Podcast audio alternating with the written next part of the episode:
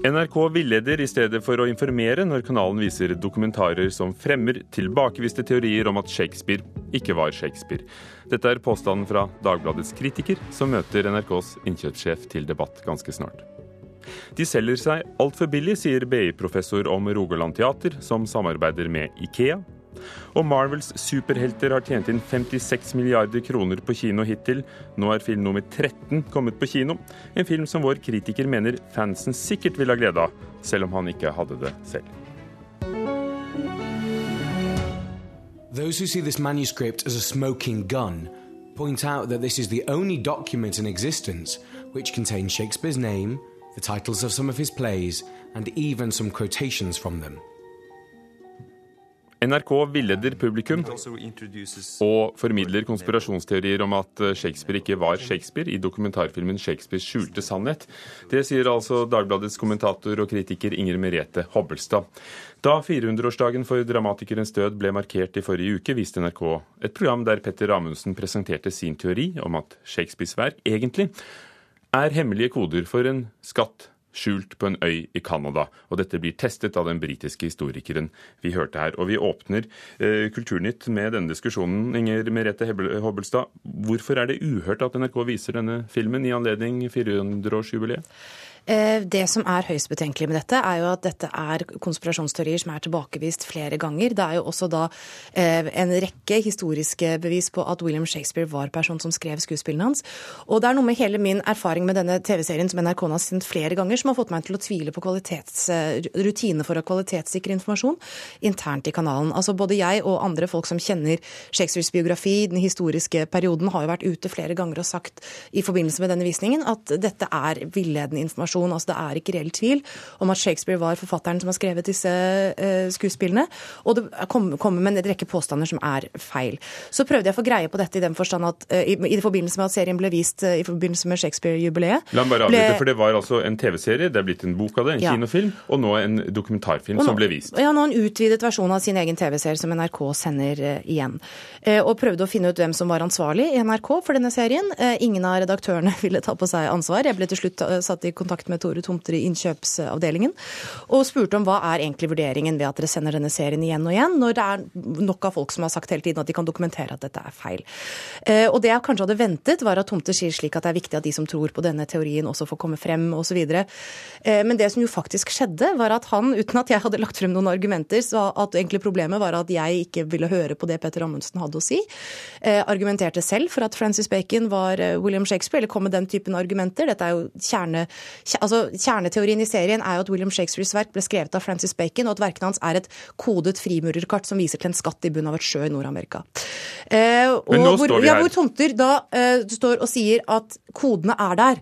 Og dette er altså da en innkjøpsansvarlig i NRK eh, som sier, slår fast som et faktum, at Shakespeares verk er full av frimurerkoder. Så det var ikke bare det at han mente at eh, konspirasjonsteorien skulle komme frem, han trodde på konspirasjonsteorien selv.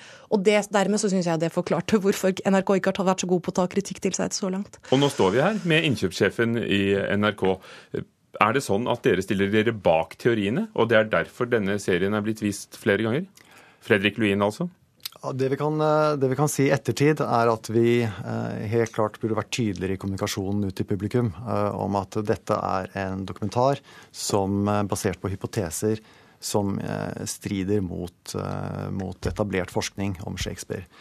Men når det er sagt, så, så er dette en, en, nylaget versjon av, av, dokumentaren, og den har Eh, det, vår redaksjonelle vurdering har vært at dette er en, en, engasjerende, en spennende fortelling som har sterk norsk relevans. Den, den har internasjonal appell. Eh, den eh, virker balansert ved at Petter Amundsen sin Eh, sine hypoteser blir møtt eller får motforestillinger av historikere som står godt eh, plassert i den etablerte forskningen eh, om Shakespeare. Føler dere ikke at, at dere da også bruker anledning til å, å, å få folk til å, å, tenke på disse teoriene i anledning 400-årsmarkeringen for Shakespeare, i stedet for å sende program om Shakespeare, om verket hans, om skuespillene? Altså, vi, det, det, dette, denne dokumentaren er bare en eh, liten del av vår eh, satsing nå på Shakespeare. Og vi har jo sendt, eller vi startet å sende en stor serie som heter Hollow Crown. Eh, dramatisering av, En stjernespekket dramatisering av kongespillene. Og vi hadde BBC sin festforestilling på selve dagen. Og ikke minst så har vi produsert en, eller kulturavdelingen hos oss produsert en dokumentar om, om Shakespeare som heter 'Svensken, dansken, nordmannen og Shakespeare'. Og der uh, tar jo NRK til orde for at Shakespeare faktisk var William, som det du også, der ble, også synes.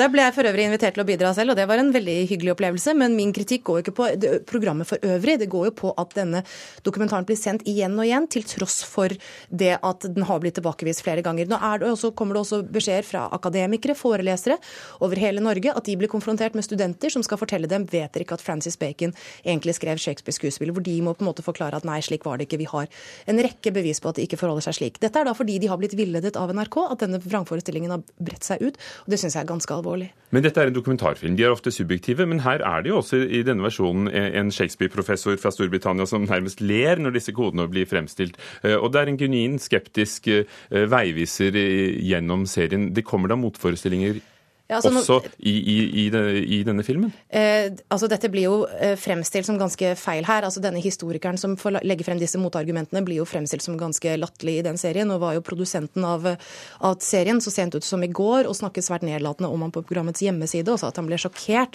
over at Stanley Wells kunne avfeie teoriene uten å kunne noen koder. Altså Vi snakker da om en av verdens mest eh, eh, kunnskapsrike historikere om Shakespeare, som selvfølgelig uttaler seg om det historiske, som er det han, eh, han er ekspert på. Og noe av det, det jeg har lurt på, er at når denne kritikken har kommet med jevne mellomrom mot NRK, altså at det er forskere som sier at vet du hva, det er feil, og det er ikke så vanskelig å dokumentere. Vi har en rekke eh, dokumentariske fakta. Har NRK dobbeltsjekket det, om det er noe hold i kritikken mot dem? Fredrik Lewin? Altså det viktigste uh, for oss er jo selve historien om, eh, om, om mannen Petter Amundsen og hans jakt etter sammenhenger på, hypote på, på hypotesene sine. Og eh, vi mener jo det at i den dokumentaren som vi sendte på fredag, så, så har da eh, er det ikke bare Stanley Wells som er til stede, eh, som for øvrig også var med på svensken, dansken, nordmannen og mm. Shakespeare. Men også da Robert Crumpton, som da får Han har skrevet kommentaren og Eh, leser kommentaren og får trekke en konklusjon på slutten. Eh, og, eh, og, og det syns vi er et, et, et, et, bra grep av produsenten for å sikre en balanse. Ja, Er det en reell balanse når, når, når dette er den samme produsenten som har laget TV-serien som står bak hele prosjektet? Er det en reell balanse? Altså, vi er Vi har blitt fortalt at, at Robert Crumpton har selv fått lov til å skrive sin kommentar uten at han har på en eller annen måte blitt styrt i en retning der. Altså, Som eh, journalister så er det jo oppgaven å kvalitetssikre all informasjon som kommer inn. Du erkjenner at det at noen påstår noe, betyr ikke at det er sant. Hvis noen gjør det, så sjekker du det med uavhengige kilder som ikke er tilknyttet deres prosjekt. Det NRK har gjort her, er at de har tatt selve konspirasjonsteoretikerens ord, fordi dette er en konspirasjonsteori, eh, om at han får tilstrekkelig motstand av kildene han selv har valgt seg ut, hvorpå en av dem latterliggjøres. Og andre, dette er også historien om at den andre på en måte overbevises, men da på denne da kryptologiens premisser. Dette er jo ikke gjennom hans eget fag som er Er det ikke da dokumentarfilmsjangeren som ikke oppfyller dine krav? Fordi eh, NRK sender jo mange dokumentarfilmer, og de er som regel subjektive. Vel, altså Når de presenterer tilbakevist informasjon, så syns jeg det går over grensen for hva NRK skal vise. Det er selvfølgelig innenfor folks ytringsfrihet at de kan komme med hvilke teorier de vil. Men når dette kjøpes inn og koproduseres av landets viktigste medieinstitusjon, så, så vil seerne forvente at det er kvalitetssikret på en helt annen måte enn hva dette har blitt. Fredrik Luin, vil dere sendt en like kontroversiell dokumentar om naturfag, om klimaforskning f.eks.? Altså, vi, på, vi, vurderer dette fra tilfelle til tilfelle, alle programinnkjøpene. Og, og det er viktig å si at er ikke, altså, programinnkjøp er ikke et sololøp. Det er en relasjonell vurdering som står bak. og Det er derfor jeg ikke ønsker å gå gjennom diskusjon om person, som, mm. som du inviterte til. Uh, og det, det, det, er helt klart at vi, vi ønsker at våre dokumentarer som vises, skal være av best mulig kvalitet for publikum. Takk skal dere ha. Shakespeare eller ikke Shakespeare. Fredrik Luin, innkjøpssjef i NRK, og Inger Merete Hobbelstad, kommentator i Dagbladet.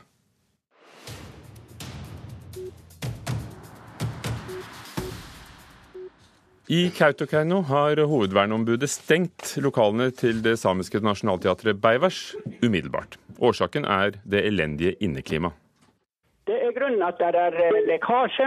Det er fullstendig eh, sopp, og det er stygg lukt der inne, og det er ikke en arbeidsplass for mennesker. Det forteller Svein Ole Sandvik, som er hovedvernombud i Kautokeino kommune i Finnmark. Jeg fikk en mail Og så tok jeg meg en tur dit, og var der ca. i ti minutter. Så fikk jeg også pusteproblemer. Det var dårlig lukt, det rente vann, og det var uholdbare forhold der jeg må si at det er direkte katastrofe. For Beivars er stenginga dramatisk, forteller teatersjef Rolf Degelund. Ja, Det får konsekvensen at vi ikke kan spille i salen for vår publikum.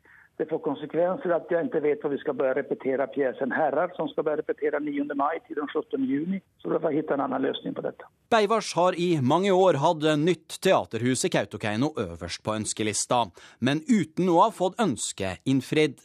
Nå er begeret fullt, mener Degelund. Nå har vi nådd veis ende. Nå diskuterer vi om teateren skal ha et nytt hus. Vi må ha en arbeidsplass. Vi kan ikke sitte ute i snødrivene og repetere. Teatersjef på Beivers Rolf Deggelund til reporter Rune Norgård Andreassen. Markedsføringseksperter heier på forsøk med produktplassering i norsk teater, men tror ikke det kan bli like stort som i film. Mindre statsstøtte og sponsortørke tvinger teatrenes salgsavdelinger til å gå nye veier for å skaffe penger. I går fortalte NRK at Ikea har gitt Rogaland Teater penger til en forestilling der møbelvarehuset også får logoen tydelig plassert på scenen. Jo, altså jeg syns jo i og for seg det er en god idé jeg er jo å prøve å skaffe private penger på flest mulig kreative måter, og den her er jo ganske kreativ. Det sier BI-professor Anne-Britt Gran. Så jeg er prinsipielt for at man forsøker seg på produktplassering i, i teater. I går fortalte NRK om teaterkonsert How på Rogaland teater, som bruker Ikeas flatpakkesystem som kunstnerisk idé, og der møbelvarehusets logo er trykket på pappesker på scenen. Til gjengjeld har teatret fått 50 000 kroner fra Ikea. Det fikk flere teateranmeldere til å reagere. Teatret selv vil ikke engang kalle det produktplassering. Men Gran mener at teatret tvert imot burde ha fått mer penger fra Ikea. For selv om ikke det handler om Ikea, så skjønner jeg at disse flatpakkene til Ikea er, er en del av konseptet, og Ikea blir nevnt, og man ser logoen. Man, man, man bruker det jo helt konseptuelt ikke sant, ved å skulle pakke ut denne teaterkonserten. Eh, så dette er egentlig en ganske moderne form for produktplassering. De selger det altfor billig. Altfor billig. Det er jo noe med å teste ut en helt ny måte å gjøre ting på, og da er det jo alltid litt sånn hva koster det? Sier direktør ved Rogaland teater, Ellen Matt Henriksen. For mens produktplassering er en stor og viktig finansieringskilde i film og TV-serier, er det noe nytt i norsk teater. I Supermann-filmen Man of Steel skal 100 selskaper ha betalt for å ha logoen sin plassert i filmen. Norsk film- og TV-bransje følger etter, og her er det et potensial som også teatrene kan utnytte bedre, mener Gran. Det syns jeg absolutt. Men jeg mener jo at det skal gjøres med en fin hånd. Det skal gjøres tydelig eksplisitt hvem som betaler. Så eh, kort sagt, det, det, det, er lurt tenkt. De tar seg for dårlig betalt, og de burde opplyst eh, bedre om eh, hva slags avtale de hadde med IKEA. Rogaland Teater har bare skrevet et litt anonymt takk til Ikea bakerst i programmet. Det er fordi Ikea selv ikke ønsket mer oppmerksomhet, sier markedssjef ved teatret Kirsti Bjerva. Potensialet i denne formen for finansiering er hun usikker på. Eh, så vi går ikke inn fra markedsavdelingen og på en måte pitcher på muligheter i kunsten. Men sånn som i dette tilfellet, når kunstnerne sjøl kommer og sier at dette har vi lyst til, så ser vi mulighetene og tenker kreativt. Vi har jo noen rammebetingelser, tilskuddsbrevet for, for statstilskuddet. Og sånn som så det er formulert nå, så skal vi utvikle våre egne inntekter. Vi får en million kroner mindre å, å bruke hvert år til å lage den samme kunsten som før. og Da må vi ha mer inntekter. Dere er nødt til å tenke kreativt? Ja, vi er jo det. Alternativet er selvfølgelig å produsere mindre teater, men det vil vi jo ikke.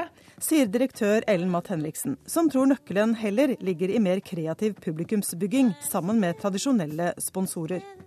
Og professor i markedsføring ved Høgskolen Kristiania, Lars Erling Olsen, har heller ingen stor tro på produktplassering i teater. Det er jo alltid et potensial, særlig for kanskje mer lokale leverandører. Men jeg, jeg tror nok at potensialet er begrenset sammenlignet med en del andre kulturprodukter. I eh, teater er det tross alt begrenset antall mennesker som går. Men man kan jo se for seg at man har store produksjoner som har, trekker veldig mange mennesker, og da kan det jo ha en viss effekt. Men sammenlignet med film så blir jo potensialet lite. Reporter i Stavanger, Anette Johansen Espeland. Klokken er snart 18 minutter over åtte. Du hører på Nyhetsmorgen i NRK. Feil og sommel koster Nav flere hundre millioner kroner i året. Utenlandske IT-selskaper får stadig flere av datajobbene i Norge. Og Trygg Trafikk vil ha nye prøver for yrkessjåfører. Mange har jukset seg til førerkort, ifølge Veidirektoratet. Verken James Bond, Harry Potter eller figurene fra Star Wars kan hamle opp med heltene fra selskapet Marvels tegneserieunivers.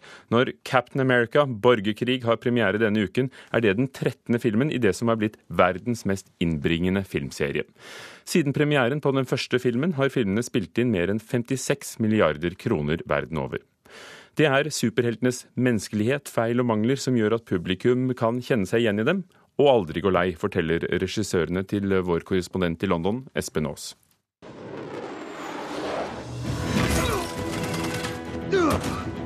I den grad noen lurer, så er det en og annen slåsskamp i denne Marvel-filmen også. Captain America, Civil War eller borgerkrig. Dette er nå den 13. storfilmen i dette Marvel-universet, og folk ser fortsatt ikke ut til å gå lei. Hvorfor, spør NRK de kanskje ikke helt uhildede regissørene, brødreparet Anthony og Joe Russo. Like modern mythology to these characters. I think that they're relatable uh, on a human level, but they're also relatable in terms of their flaws, they're relatable in terms of their personality quirks. Folk identifiserer seg med figurene, sier Joe Russo, både på et menneskelig nivå, men også på grunn av deres feil og mangler. Sam! Ikke bare er det mange Marvel-filmer, men det er også etter hvert en enorm mengde rollefigurer. En av de ferskeste, Scarlet Witch, eller Den røde heksa, spilles av norskættede Elisabeth Olsen. Hun mener filmen også har klart å fornye seg opp gjennom årene. Yeah. honestly. Like, because if they didn't, if they didn't keep trying to up the ante each time, it wouldn't, the, it wouldn't continue to satisfy. Hadde de ikke gjort det, ville de heller ikke truffet publikum, mener hun. Fjorårets film, som het Age of Ultron, dro inn utrolig 1,4 milliarder dollar. Og av de ti mest innbringende filmene i historien er tre av dem fra dette universet. Satt på spissen denger voksne mennesker i svært tettsittende, pussige og fargerike kostymer rundt på hverandre i disse superheltfilmene men det ligger mer historie bak. the World Security Council. It's not SHIELD, it's not Hydra. No, but it's run by people with agendas, and agendas change. Captain America, som er hovedpersonen i denne filmen, har ikke bare et patriotisk navn, men ble også skapt under andre verdenskrig, der han bl.a. slåss mot Hitler og nazistene og japanerne, og er som oftest en slags forlenget arm for amerikanske myndigheters kamp mot alle som måtte finne på å angripe landet. Og den politiske dimensjonen dyrkes videre gjennom filmene, sier regissør Tony Russo. Sort of So our, our um, og med et Amerika som kan stå foran store politiske endringer, ja, så kan det vel være at Captain America får mer å gjøre også. Sa Espen Aas, og kampscenene minner om mange andre filmer, sier vår filmanmelder Einar Gullvåg Staalesen, men har i tillegg fått med seg noen politiske tanker som eh, legges til eh, stillferdige og monotone mellomspill. Fight. Det begynner i Lagos med digi-action i kjente former. Mennesker, roboter og andre raffinerte dingser slåss i mer enn ti minutter i den sekvensen. Det er som i et avansert videospill. Vi har vanskelig for å se tegneserien som ligger bak hele prosjektet.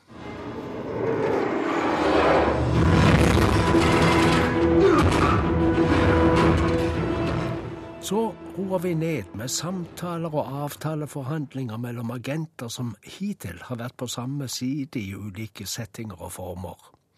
Samtalene presenterer nye konfliktlinjer.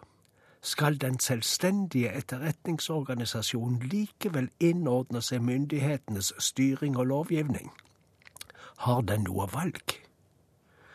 Det er sprikende meninger. Derfor Nære kolleger begynner å kjempe mot hverandre i en slags borgerkrig utenfor samfunnet. Jeg fristet til å referere et utsagn, et av få som det er grunn til å bringe videre. Et samfunn som ødelegges av styrker utenfra, reiser seg igjen. Et samfunn som råtner innenfra, gjør det sjelden. Sitat slutt. Så kommer det actionsekvenser igjen, og igjen, og veksler med rolige dialoger, og filmen forflytter seg fra sted til sted og bivåner stadig mer dødelige fysiske konfrontasjoner. Geografisk definert er den en verdenskrig.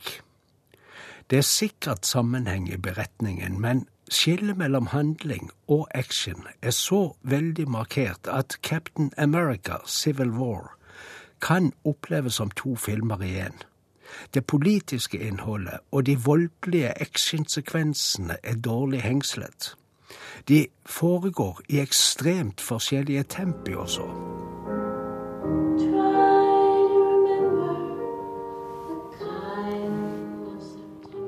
De normale filmsekvensene er langsomme og kjedelige. De veldig aktive delene, med to billedklipp i sekundet, er stereotype.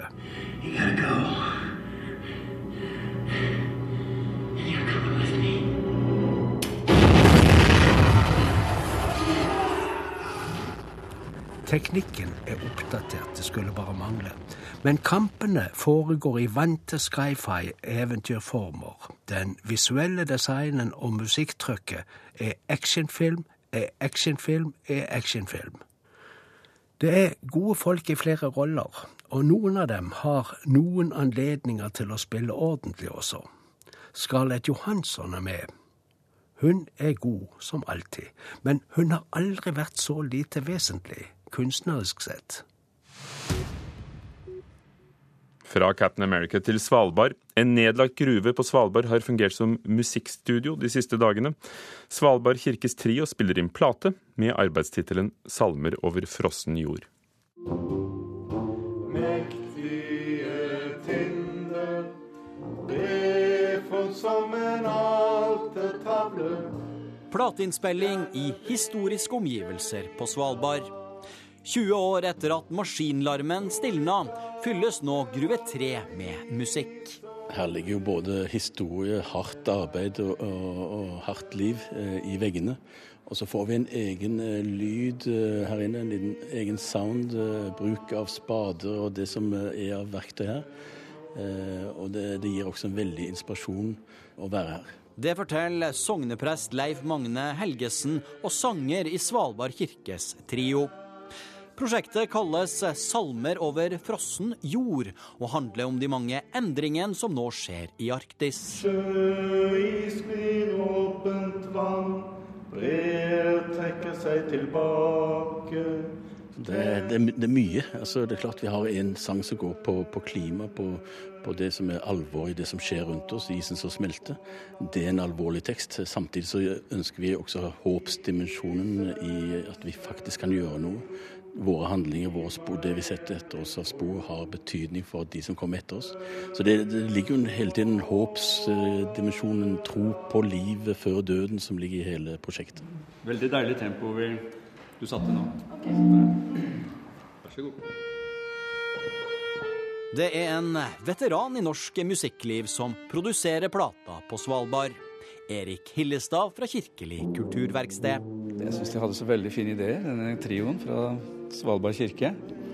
Hadde nydelige ideer om sårbarhet og natur og eksistens og på grensen til eh, ikke-eksistens. Og, og um, alt uh, som Svalbard representerer av historie. Og, så derfor er vi her nå og prøver å fange noe av uh, atmosfæren i, i, denne gruven her, da, gruve 3 på Svalbard.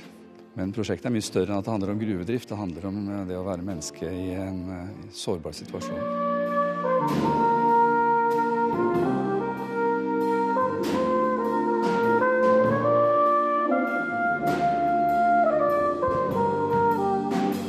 Hvorfor bør folk låne øre til det her når det er klart for utgivelse? Dette tror jeg blir eh, litt sånn grensesprengende i bruk av eh, altså følelse av musikk langt inn i gruva og historien der, og, samtidig den gleden og, eh, og den touchet av Svalbards natur som vi føler oss små i, men samtidig så er vi store, pustende, tenkende mennesker.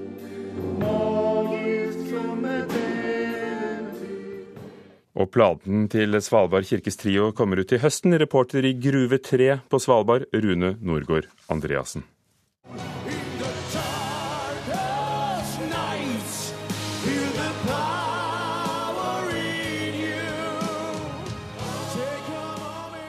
Den rumenske artisten Ovidio Anton som vi hører her, vant den rumenske Grand Prix-finalen, men får ikke delta i den internasjonale finalen. Romania er utestengt av konkurransen fordi den rumenske TV-kanalen TVR ikke har betalt gjelden på over 130 millioner kroner. Nå har artisten sendt et personlig brev til den europeiske kringkastingsunionen EBU, som, som krever pengene, der han innstendig ber om likevel å få konkurrere i finalen i Stockholm, men inntil videre står EBU på sitt. Artistduoen Marcus og Martinus er noen av dem som denne uken får daglig detaljert tilgang på statistikk over hvor mye musikken deres er strømmet. Det er plateselskapet Sony som for første gang gir artistene deres denne muligheten, skriver Dagens Næringsliv. Bransjen har lenge ønsket seg mer åpenhet og klaget på manglende innsyn i tallene. Og Marcus og Martinus' manager sier til avisen at det nå blir lettere å vite hvor og for hvem man skal planlegge turneer. Og så tar vi med at I Frankrike er teatrene for tiden dekorert av store politiske bannere, og seks av de største teatrene er okkupert av de ansatte i protest. I Paris overtok skuespillere Nationaltheatret Comédie Française. Alle forestillingene har vært avlyst. De demonstrerer mot kutt i offentlig støtte til alle som jobber i teatersektoren. Kulturnytt her i Nyhetsmorgen i dag var produsert av Thomas Alvarstein Ove, programleder Ugo Fermariello klokken er straks halv ni.